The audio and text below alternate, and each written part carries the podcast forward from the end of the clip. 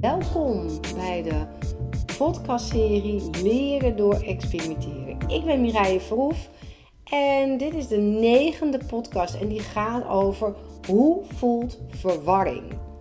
Nou, hoe voelt verwarring? Dat is redelijk simpel. Dat voelt gewoon niet fijn. Richard Bandler, een van de grondleggers van NLP, beweert dan wel dat verwarring een doorgang naar een andere en nieuwe realiteit is. Alleen wat absoluut ook belangrijk is om te realiseren, is dat het zo ontzettend ongemakkelijk voelt. Echt heel ongemakkelijk. In ieder geval voor mij. Ik ben al de hele week in verwarring om meerdere redenen. En het was zodanig dat ik pas de doorgang zag toen ik echt goed keek.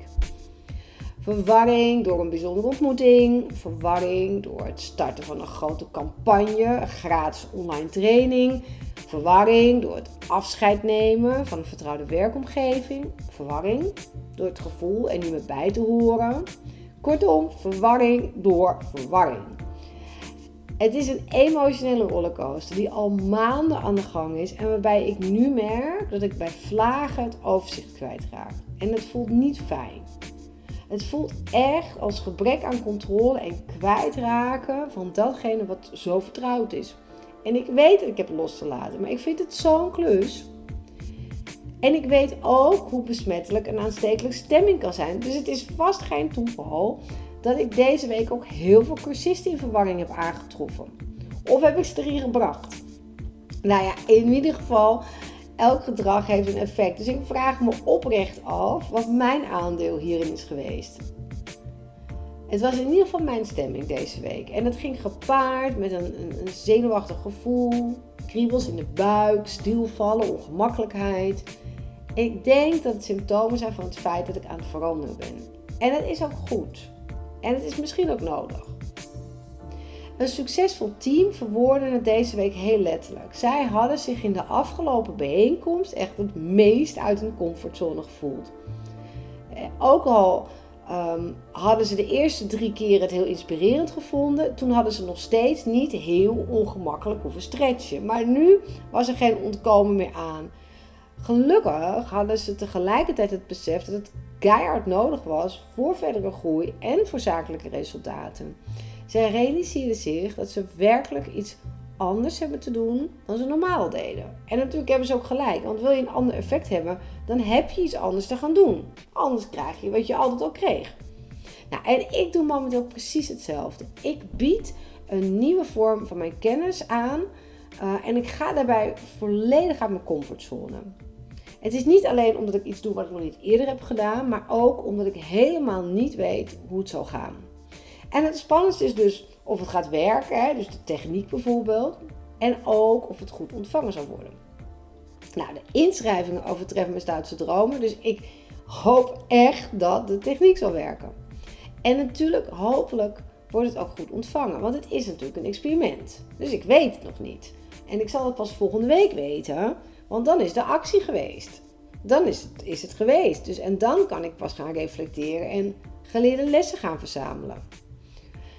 Op dit moment heb ik alleen een verwachting waar ik mij bewust van ben.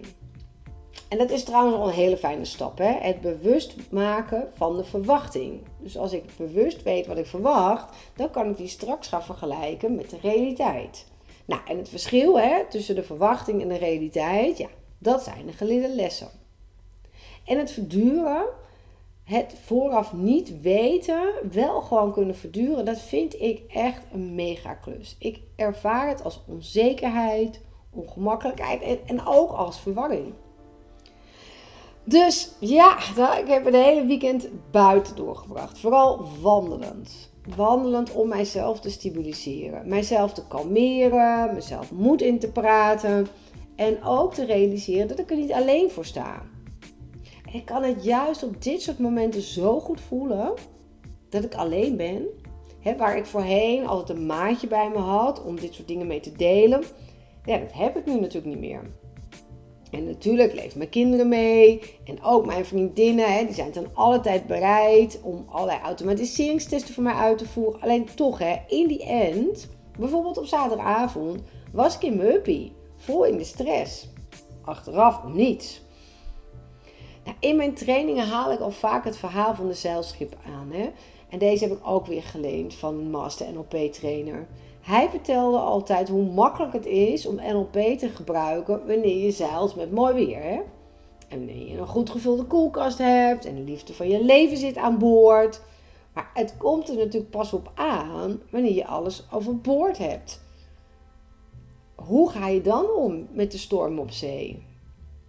Dus deze storm toelaten en het hier aan toegeven, ik vind het niet makkelijk. En ook al voel ik precies dat dit voor mij noodzakelijk is. Het is namelijk heel verleidelijk voor mij om even afleiding te gaan zoeken. En ook al weet ik dat het verduren van het alleen zijn uiteindelijk voor mij de helende weg is. Hè? Want daar ben ik ook naar op zoek. Hè? Naar een stukje heling van mezelf. Dus ik wens jou ook weer een hele mooie week toe met heel veel openingen die je eerst niet zag. En ik hoop tegelijkertijd dat het allemaal goed mag gaan. Hè? En voor de zekerheid heb ik dus ook maar alvast wat wonderen besteld. Nou, ik ben Mireille Vroef. Dit was mijn negende uh, podcast over hoe voelt verwarring. Ben je nieuwsgierig geworden en wil je meer weten? Kijk dan op mijn site mireilleverhoef.nl of trainingslab.nl